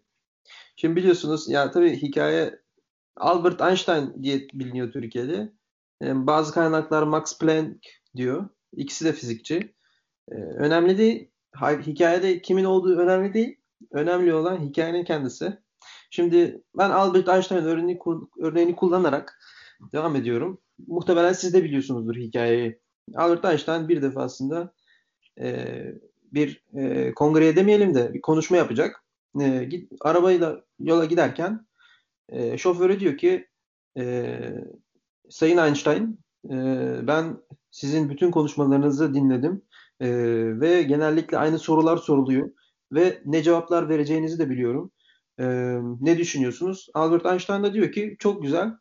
E, istersen şöyle bir şey yapalım. Einstein'ın aklına bir fikir geliyor. İstersen şöyle yapalım. Ee, bu defa sen benim kılığımda git konuşma yap. Ben de arkada şoförmüş gibi oturacağım. Tamam mı? Tamam. Gidiyor adam konuşmasını yapıyor. Ee, hiç kimse onun Einstein olmadığını anlamıyor. Sorular geliyor. Ve e, e, soruları aynı Albert Einstein'ın cevapladığı gibi cevaplıyor. Buraya kadar tamam. Ama o güne kadar hiç sorulmamış, çok kompleks bir soru geliyor. Çok zor bir soru. E bu adam da cevabını bilmiyor, fizikçi değil. Ve e, pratik zekasını kullanarak şöyle bir cevap veriyor. Çok basit. E, çok basit bir soru sordunuz. E, böyle bir soru sor, soracağınızı e, tahmin edeme, edememiştim. E, bu soruyu e, benim e, arkada oturan e, şoförün bile cevaplayabilir diyerek şoförünü gösteriyor. Süper. Evet. Ve e, Albert Einstein'ı davet ediyor şey kürsüye. Albert Einstein çıkıyor, soruyu cevaplıyor ve diyor ki evet gördünüz bu kadar basit. Şimdi Şarki'ye bunu nasıl, e, Şarki'ye hala umudu olan insanlara ben şunu söylemek istiyorum. E, Şarki'nin e, şoförü şoför ama o arkada oturan fizikçi de şoför. Anlatabiliyor muyum arkadaşlar? Yani bu kulüpten bu kulüpten umudunuzu bu kulüpten gerçekten bu sezon umudunuzu bitirin. Ragnik bile reddetmiş bunları. Yani Heh, gerçekten. Şimdi onu diyecektim. Şimdi Ve... o konuya gelelim. Evet. Evet. Abi çok sayıda belirsizlik var diyerek reddetmiş. Yani bunu da yapan Ragnik adam. Yani Ragnik. Ve Schalke kulübünden bahsediyoruz. Almanya'nın en büyük camialarından biri. Dünyanın e, en önde gelen futbol kulüplerinden biri. Schalke e, kamplarda genelde Amerika'yı tercih ediyor. Mesela. E, çünkü orada büyük bir taraftar e, tabanları var ve sponsorluklar işte ne bileyim e, para işin finansal boyutu e, bunu e, mümkün kılıyor. Schalke'nin ne kadar büyük bir camia olduğunu gösteren bir tablo. Atakan e, Bey yani Twitter'da Atakan e, isimli hesaptan Ralf Ragnik Fenerbahçe'ye gelir mi sorusu gelmiş. E, şimdi yani Ragnik Schalke'ye gitmediyse Schalke'nin durumu işler acısı o kesin de bence Fenerbahçe'ye de gelmez diye düşünüyorum. Hatta gelmesin e, diye düşünüyorum. Çünkü Türkiye'de bu tarz uzun vadeli projelere girişenlerin sonunun ne olduğunu en son e, herhalde Filip Koku ile birlikte e, görmüş olduk e, diye düşünüyorum. Bilmiyorum Veli. E, Ralf Ragnik Fenerbahçe sorusuyla ilgili mi evet. soruyorsun? Evet. E, ya şimdi e, çok imkansız gibi geliyor bana. E, imkansız diye bir şey yoktur diye motivasyon sözleri var da e, Ragnik var e, diyelim. Yani gerçekten neden neden Fenerbahçe'yi tercih etsin ki? Şöyle bak e, Twitter'da ben bir gönderi attım. Ragnik e, e, gelmeli diye. Fakat ben o gönderiyi Ragnik gelsin diye atmadım. Yani bir tepki, tepki göstermek istiyorum orada. Hı hı. Yani bir kampanya e, başlatıldı Fenerbahçe taraftarları tarafından. E, Ragnik gelsin diye. Bayağı kişi imzaladı. Ben de imzaladım. Fakat ben Ragnik gelecek diye imzalamadım. Bir tepkiyi göstermek için imzaladım. Hani şey hikayesi var ya o karıncanın suyu taşıması hikayesi. Ben de o, o anlamda suyu taşıdım. E, o yüzden e, kısaca cevaplama gerekirse Ragnik Fenerbahçe'ye e, gelmez. Gelirse şayet böyle yüzde sıfır birlik bir ihtimal olsa bile e, teknik direktör olarak gelirse bence yanlış tercih olur. Çünkü e, bence teknik teknik direktör olarak Ragnik e, geride kalmış bir e, hoca. Çünkü 4-4-2'den çıkmayan e, sadece kendi bildiğini okuyan, yeniliğe açık değil hoca olarak. E, yeniliğe açık olmayan bir e, insan tipi. Fakat sportif direktör olarak e, çok fazla şeyi var. E, yani bence dünyanın en iyisi. Yani Monchi diyorlar, işte Lucas Campos. Bence Ragnik en iyisi. E, ondan iyisi de yok. Max Eber bile ondan değil, iyi değil bence. Ama e, dediğim gibi Ragnik Fenerbahçe'ye neden gelsin? Hangi sebepten ötürü? E, tercih edecekse Leverkusen'e gider. E, ne bileyim e, Augsburg'a gider. Hı. Zaten e, Geralt of Kadıköy e, yani Witcher'daki e, büyücü e, oyununda ve aynı zamanda dizideki Geralt galiba bu. E, Ralph Radig'in nerede görev alacağını düşünüyorsunuz diye sormuştu. Sen de bunu cevaplamış oldun. Sizce Fenerbahçe bir teklif sunsa kabul eder mi? E, diye sormuş. Yani e, ben Ragnik yerinde olsam açıkçası etmem. Çünkü işte buraya Damian Comolli geldi. Tamam Comolli de çok kötü bir iş çıkardı ama 3 ay sonra falan Comolli bütün kariyerini tehlikeye attığını bence fark etmiştir buraya gelerek. Türkiye'de bunlar işlemez. Yani işletebilecek takım varsa o Türkiye Ligi'nin önümüzdeki 20 yılda e, Türkiye futbolunun lokomotifi olur. Yani bunu işletebilecek takım Türkiye'ye çağ atlatır. Bu tarz bir sportif direktör gelecek. İşte işleri planlayacak, bütçeyi ayarlayacak. Hoca gelecek, hocanın işine karışılmayacak falan. Bunlar bence hayal. Bunlar olmaz Türkiye'de. Ee, işte İnsan... Joachim Löw Adana Spor'a gitmişti biliyorsunuz. Ee, Fenerbahçe'de tırnak içinde başarısız oldu. Adana Spor'a gitti. Adana Spor'da da tırnak içinde başarısız oldu ve Alman milli takımının efsane hocalarından biri oldu bence. Yani işte yeni gönderiliyor. Bilemiyorum. Joachim Löw bu arada nerede görev alış sorusu da var. Onlardan çıkarmış olalım. Yine Kadıköy'ün Geralt'ı sormuş. Ya da Geralt. Var mı bir, bir süre bir süre bir yerde görev almaz diye düşünüyorum ya. Kulüp Hı. vesaire. Belki bir sportif direktörlük vesaire de yapabilir. Danışmanlık tarzında. Evet. Ee, ben Joachim Löw'ün yerinde olsaydım e, yeter bu kadar deyip dünya turuna çıkardım. Ee, ama e, e, yani bana sorulan soruyu cevaplama yani nerede görmek istiyorum sorusunu cevaplayacak olursam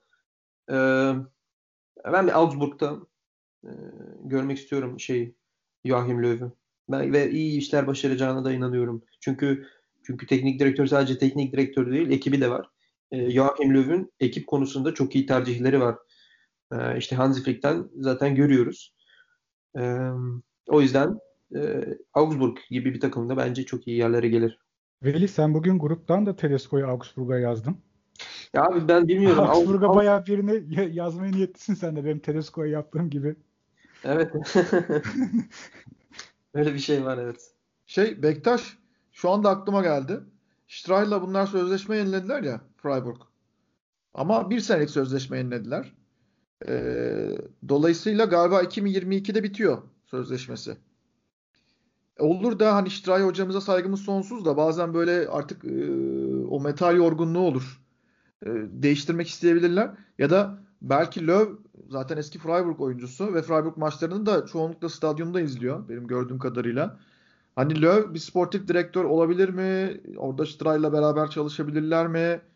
Ee, böyle bir hani kafamda belirdi sadece. Bir görüşünü alayım dedim. Zaten Löw Freiburg'lu bu arada. Ee, ben oradayken hatta bir kere İngiliz arkadaşlar e, bara gitmişlerdi. Bana da gel dediler. Ben gitmedim orada.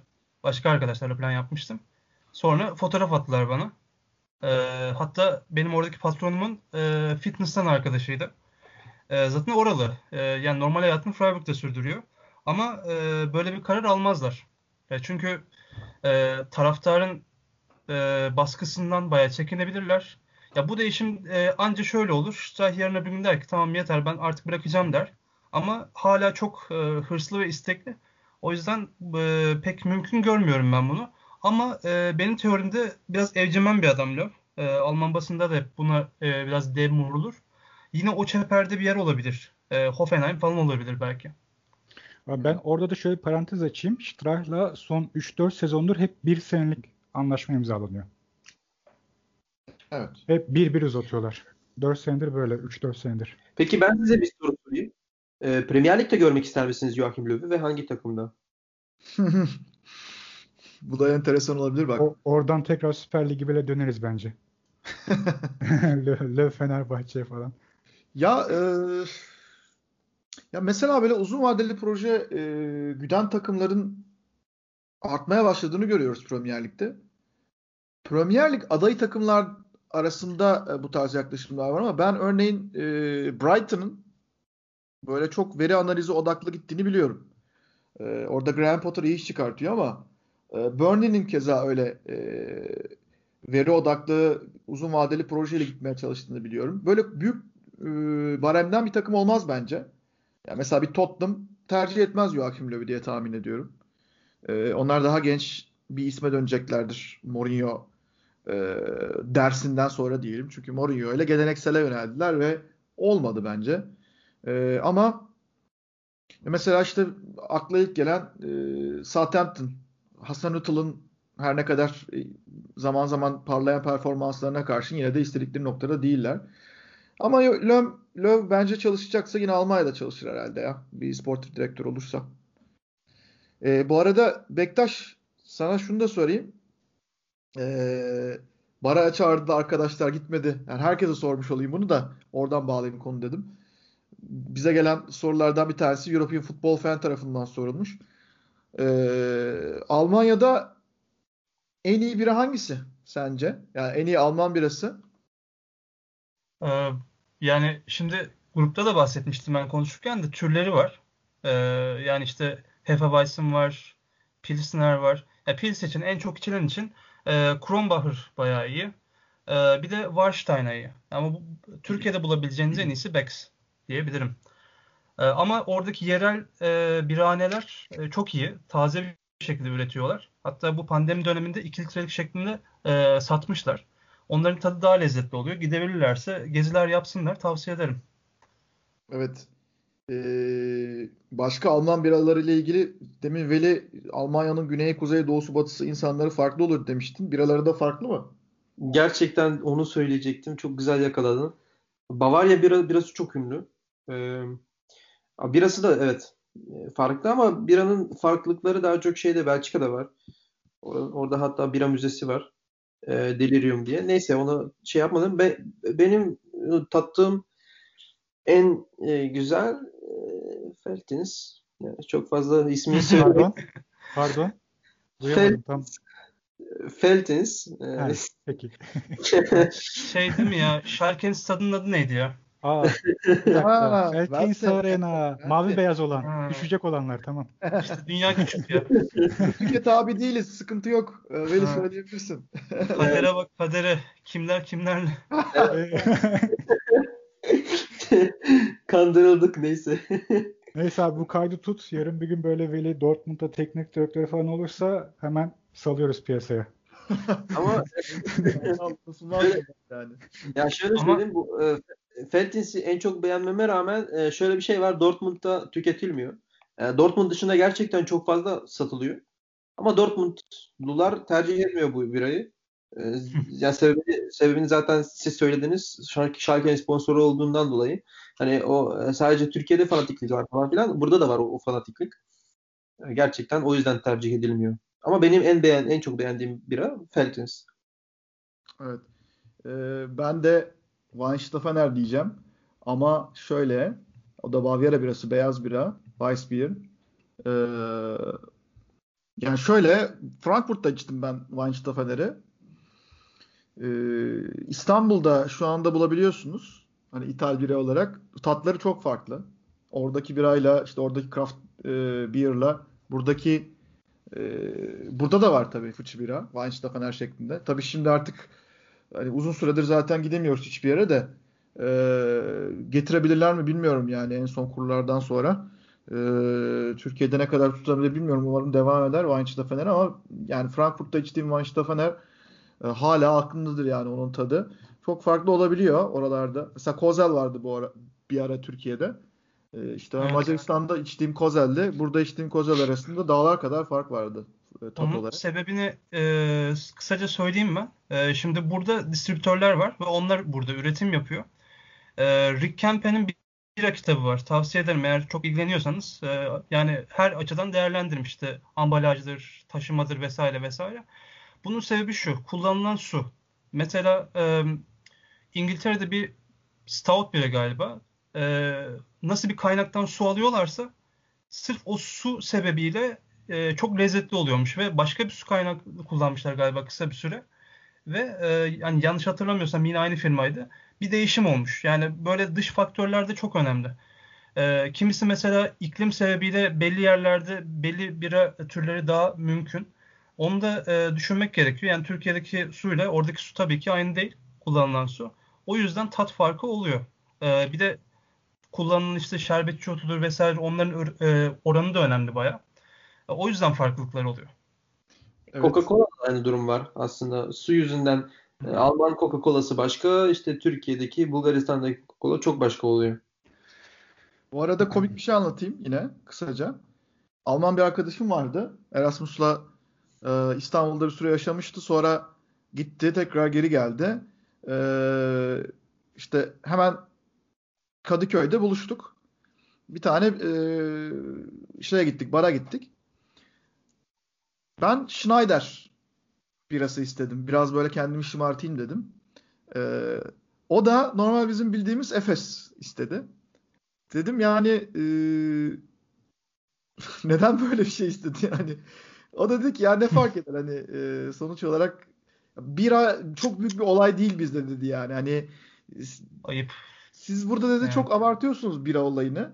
Doğru. Yani falan. Ben de çok şaşırmıştım açıkçası. Ee, Schneider tabii fiyatlı bugün olsa alamayız da. Ya da almak için ne bileyim bir bonus falan gelmesi lazım bir yerlerden.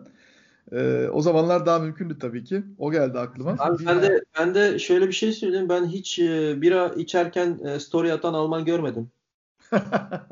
Yani Doğru. Doğru. biraz abart. Kah- kahve içerken story atan Alman da görmemişsindir muhtemelen. Story atan Alman da görmeye Görmüş. Alman görmüş olabilir misin ya da dermiş. Var var kahve içerken atanlar var da bu şey yok. Bira içerken yok. Bizdeki kadar değildir ama yine de. Evet. Neyse. Bayağı muhabbet e, dallandı, budaklandı. Çok da keyifli gidiyor. Bu arada sorularımızı bitiremedik. Halkımız büyük ilgi gösterdi. Bir kez daha sağ olsunlar. Gladbach bu hafta kazandı beyler. Geçen hafta demiştiniz ki bu hafta da kaybederse artık yuh demiştiniz. Kazandılar bir zahmet. Şarkıyı yendiler. Ee, Veli Max Eber'le ilgili yorumların da hala aklımda. Ee, Max Eber'i paramparça etmişsin. Ee, Yedirmem. E, Böyle yedirmem. sportif direktör olmaz olsun noktasına gelmişsin. Vallahi çok güldüm. Yani ama hakikaten o Mark Sabel'in sarı saçlarından sonra, eskiden sarıya boyatlı saçlardan sonra e, en kötü kararlardan biri olabilir gerçekten de. E, o duygusal olarak canının sıkılması ve e, Mark Rose de ayrılacak biliyor musunuz? Marco Rose de diye açıklama yapması bence de hani kısmen katılıyorum sana o konuda. Xabi Alonso olayı gündeme geldi. Daha dün galiba. Ee, Xabi Alonso henüz netleşmemiş ama Sociedad'ın galiba haberi yokmuş. Bir yorumu olan var mı bu Xabi Alonso ile ilgili? Güzel olur mu? Bence güzel olur diye düşünüyorum. Bugün Kicker yalanladı o haberi olmayacak diye. Hmm. Çok hızlı gelişti olaylar. Evet. Bence olmaz ya. Yani Eberl yine Almanya, İsviçre ve Avusturya çatısından bir isim bulur diye düşünüyorum. Hani Xabi Alonso Almanca biliyor okey ama e, yine bu bölgeden bir isim bulacaktır diye düşünüyorum. Marşbol mu acaba? Evet. Yani mantıklı olur. March Madness gelirse Ya ben de dün yanar buralar. Yani atıyorum bir işte kuzeyden, de güneyden, Akdeniz'den falan bir isim getirmez bence Eber. Yine İsviçre, Avusturya, Almanya'dan işte genç takım çalıştırmış, başarıya kalamış Hannes Wolf gibi ya da işte Marş gibi daha güzel işler yapmış birini getirecektir. ben de dün bir e, yazı okudum. Xabi Alonso ile ilgili. Bir Alman gazeteci araştırmış, yazmış. Ya işte Real Sociedad'ın B takımı %61 ile ortalama topla oynuyormuş. E, rakip yarı alanda oynamayı daha çok tercih eden bir yapıya sahipmişler. İşte en çok tercih ettiği dizilişler e, bir, bir numarada 4-2-3-1, ikincisi 4-4-2, üçüncüsü de 3-5-2 gibi gibi istatistikler. Yani bana biraz bir e, Bayern futbolu e, Bayern futbolunu anımsattı. Fakat e, şöyle bir şey de var. E, ya evet futbol felsefesi olarak yani e, böyle bir düşünceye sahip olabilirsiniz. E, fakat bunun e, uygulaması var. Yani uygulama çok daha önemli. E, o yüzden şüpheli bir yaklaşıyorum Xabi Alonso tercihine. Ya sonuçta orada Real Sociedad B takımında eğer tabii ki Kiker yalanladı da diyelim ki oldu. E, orada çalıştırdığı oyuncu e, anası babası tarafından en çok eleştirilen birisi. E, burada çalıştırdığı oyuncu da e, şey altında, spot ışıkları altında herkes tanıyor, herkes biliyor. E, işte egosu olan, anlatabiliyor muyum? Çok farklı, çok gerçekten çok farklı. O yüzden şüpheli yaklaşıyorum Xabi Alonso tercihine. 1 Ocak tarihinde David Seymour isimli eee, bir teknik adam yani işte bu Total Football Analysis e, sitesinde yazılar yazan birisi bayağı bir döküm yapmış. Xabi Alonso'nun e, Real Sociedad'da ne yaptığına, taktiksel yaklaşımlarına, işte 4-2-3-1'i ama zaman zaman 3-4-3'ü, zaman zaman 3-3-2-2 gibi taktiksel e, çeşitlilikler kullanması ve e, işte bayağı bir döküm yapmışlar detaylı. Ama dediğin gibi o boyutta oynatmak başka bir şey. Bir de başka bir lige geliyorsunuz. Ya, aşina olduğu bir yer ama yine de e, Mönchengladbach orası için bu yaklaşımlar için bence doğru yerlerden biri olurdu diye düşünüyorum. Hani gelse lige böyle renk katabilecek bir havası olurdu. Ama e, dediğim gibi haberi yokmuş yani o iş henüz daha olgunluk kazanmış değil. E, o yüzden olmamış bir şey hakkında da konuşmak doğru değil. Olsa ne güzel olur üzerine ancak konuşabiliyoruz. E, European Football Fan e, Twitter hesabı şey sormuş. Marco Rosa'dan sonra kimi yakın görüyorsunuz? İşte dediğim gibi ben Jesse Marsh'ı ya da işte Marsh Ball ya da Marsh Madness e, şeklinde yorumladığımız ismi açıkçası yine görmek isterim. Ama Max Eberl'in vereceği karar. Onu zaten cevaplamış olduk. LoL sonrası teknik direktörler için de geçen haftaki programı e, dinlemenizi belki tavsiye edebilirim. 10 tane falan aday vardı galiba. Veli hepsini çıkarmıştı. E, evet. Onunla ilgili şunu söyleyeyim. Bugün ya Bild'de ya Kicker'da Stefan Kuntz'un adı bayağı geçti. Stefan Kuntz'u zaten siz normal bir seçim olarak sunmuştunuz. Ben de size kendimce katıldım. Yani dinlerken ben ben de öyle düşünüyorum açıkçası. En doğal aday. Ama Imke Wübenhorst'un da onun ya yardımcısı ya başka bir şekilde e, ya da işte U21 takımına getirilebilir. Onun boşalttığı koltuğa Wübenhorst. Ben çok mutlu olurum e, böyle bir şeyden. Bu arada U takımları demişken Hannes Wolf da U18 Almanya milli takımının teknik direktörüydü en son. Oradan geldi. Evet. Evet. Bu soruyu da böyle yanıtlamış olduk. Ee, bir tane daha sorumuz var. Abdullah Bey Twitter'da sorum şu demiş. Avrupa Şampiyonası'nda Almanya kafa tutacak ülke hangisi olabilir? Şimdi bu tabii zor bir soru. Yani Avrupa Şampiyonası'na daha fazla var ama ben düşünürken size şunu sorayım. Kiker'de bir yazı gördüm çünkü bununla alakalı. Löw'ün ayrılacağını açıklaması Almanya'nın Avrupa Futbol Şampiyonası'ndaki performansına etki eder mi? Ee, pozitif veya negatif. Yani e, Löw için, Löw'ü onuru için belki futbolcuların e, son kez iyi bir performans gösterme ihtimali olabilir. E, bir de bir yandan bir sonraki gelecek antrenörü de etkilemek için e, performanslarını yüksek tutacaklardır ama ben direkt soruya dönersem Fransa diyorum. E, yani hatta benim en büyük favorilerimden bir tanesi o. Hem yani U21 kadroları bile çok kuvvetli. E, yani onlar adına ben kullanmış olayım hakkımı. Ben de soruyu şöyle sormak istiyorum kendime. Hani demiş ya soruda Abdullah Bey Almanya'ya kafa tutacak takım. Yani Almanya kime kafa tutabilecek bir de o var. yani evet, ben biraz daha e, negatif evet. açıdan bakıyorum yani. Almanya kime kafa tutabilecek? Öyle bir sıkıntı var çünkü Hummels işte konuşuluyor, Müller konuşuluyor ortada canavar gibi Müller var. İşte Löw gidecek vesaire. Aslında bunun hepsi bir bütün. Ben Almanya kime kafa tutabilecek onu merak ediyorum. Peki Löw'ün gideceğini açıklaması kötü etkiler mi sence takımı? Bence pozitif etkiler. Ama Hı. bence yani emin değilim. Tam tersi bir şey de görebiliriz yani. Ya belki Müller'in gelişi gelirse eğer hani o abi olarak bir gelişi veya Hummels'in gelişi pozitif etkileyebilir. Şimdi ben burada Bull Kicker makalesine tekrar döneceğim. Bununla ilgili yorum yapılmış, araştırma yapılmış, düşünce paylaşılmış, örnekler verilmiş. Mesela bunlardan biri Jupp Heynckes 2013'te hani ben açıklayacağım, e, ben bırakacağım sezon sonunda diye gittiği ve meşhur o 3 kupalı sezonda harikalar yarattı. Ama orada biraz yaş durumu vardı yani. O normal karşılanabilir. Niko Kovac'ın Frankfurt'ta Bayern Münih'e e, gideceğini önceden açıklaması, biraz tökezlemeleri daha sonrasında kupa zaferinin gelmesi e, Frankfurt'un olumlu örneklerden biri. E, benzer bir olumlu örnek Felix Magath. Felix Magath Wolfsburg'u şampiyon yaptığı sezonda e, ertesi e, sene Schalke'ye geçeceğini daha önceden açıklamıştı.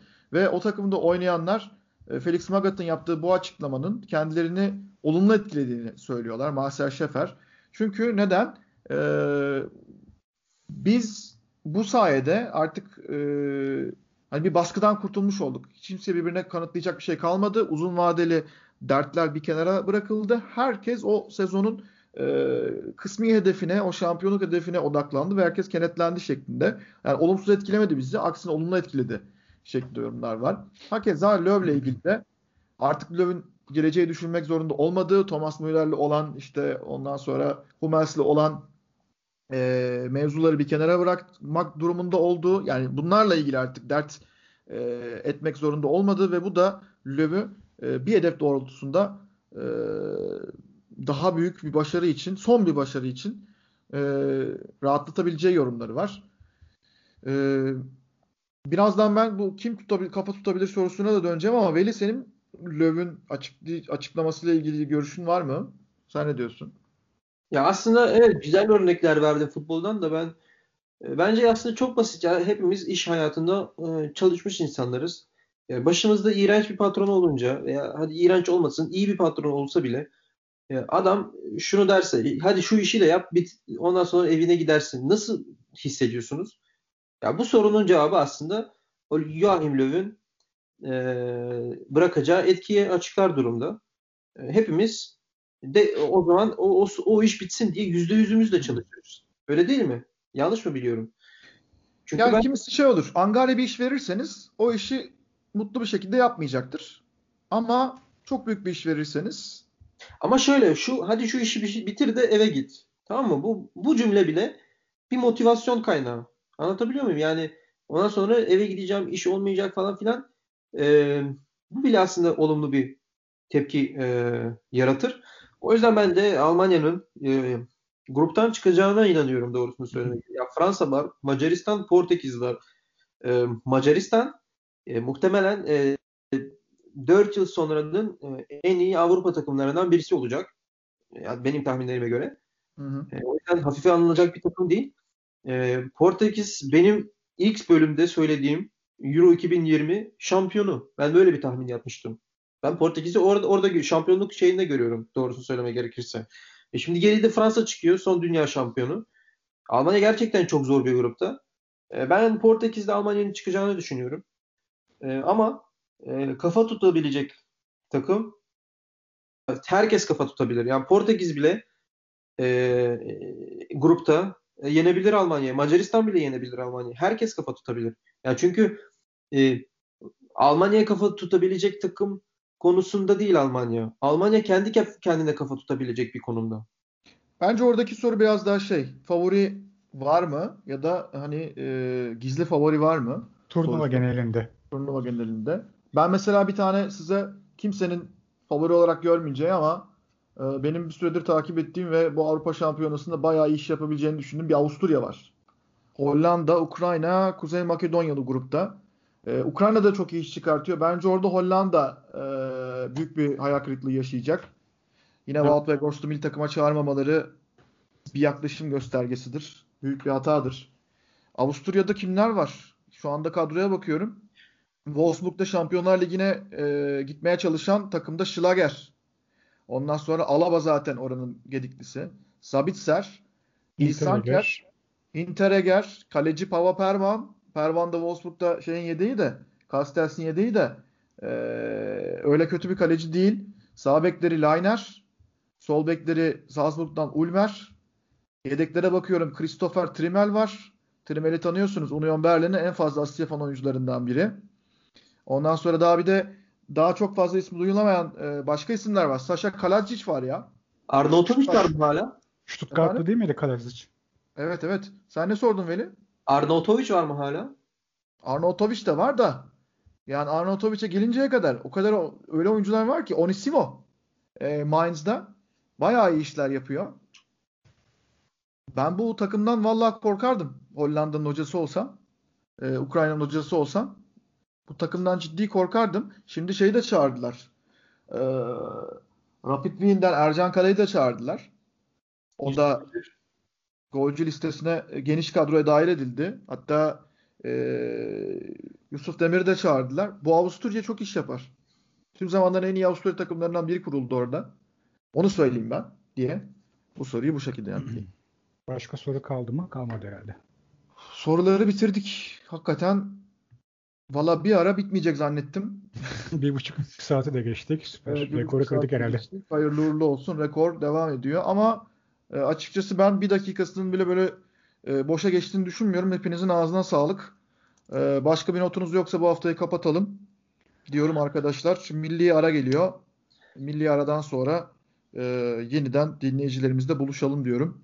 Abi benim Abi benim bir başka bir notum var. Geçen hafta söyleyecektim de bıraktım. Şimdi bu son zamanlarda yok Bitcoin düşecek, yok şöyle olacak, kripto paralar falan filan diyen insanlar var. Onlara şunu söylemek istiyorum. O zaman gidin düşeceğine oynayın. O kadar biliyorsanız bu işi. E, canımı sıkmayın. İnternette orada burada paylaşım yapıyorsunuz. Bitcoin düşecekmiş, değeri düşecekmiş.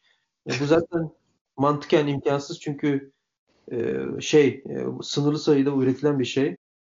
E, o yüzden mantıken düş, e, düşemez. E, yani tabii ki günden güne düşebilir fakat uzun vadede düşemez.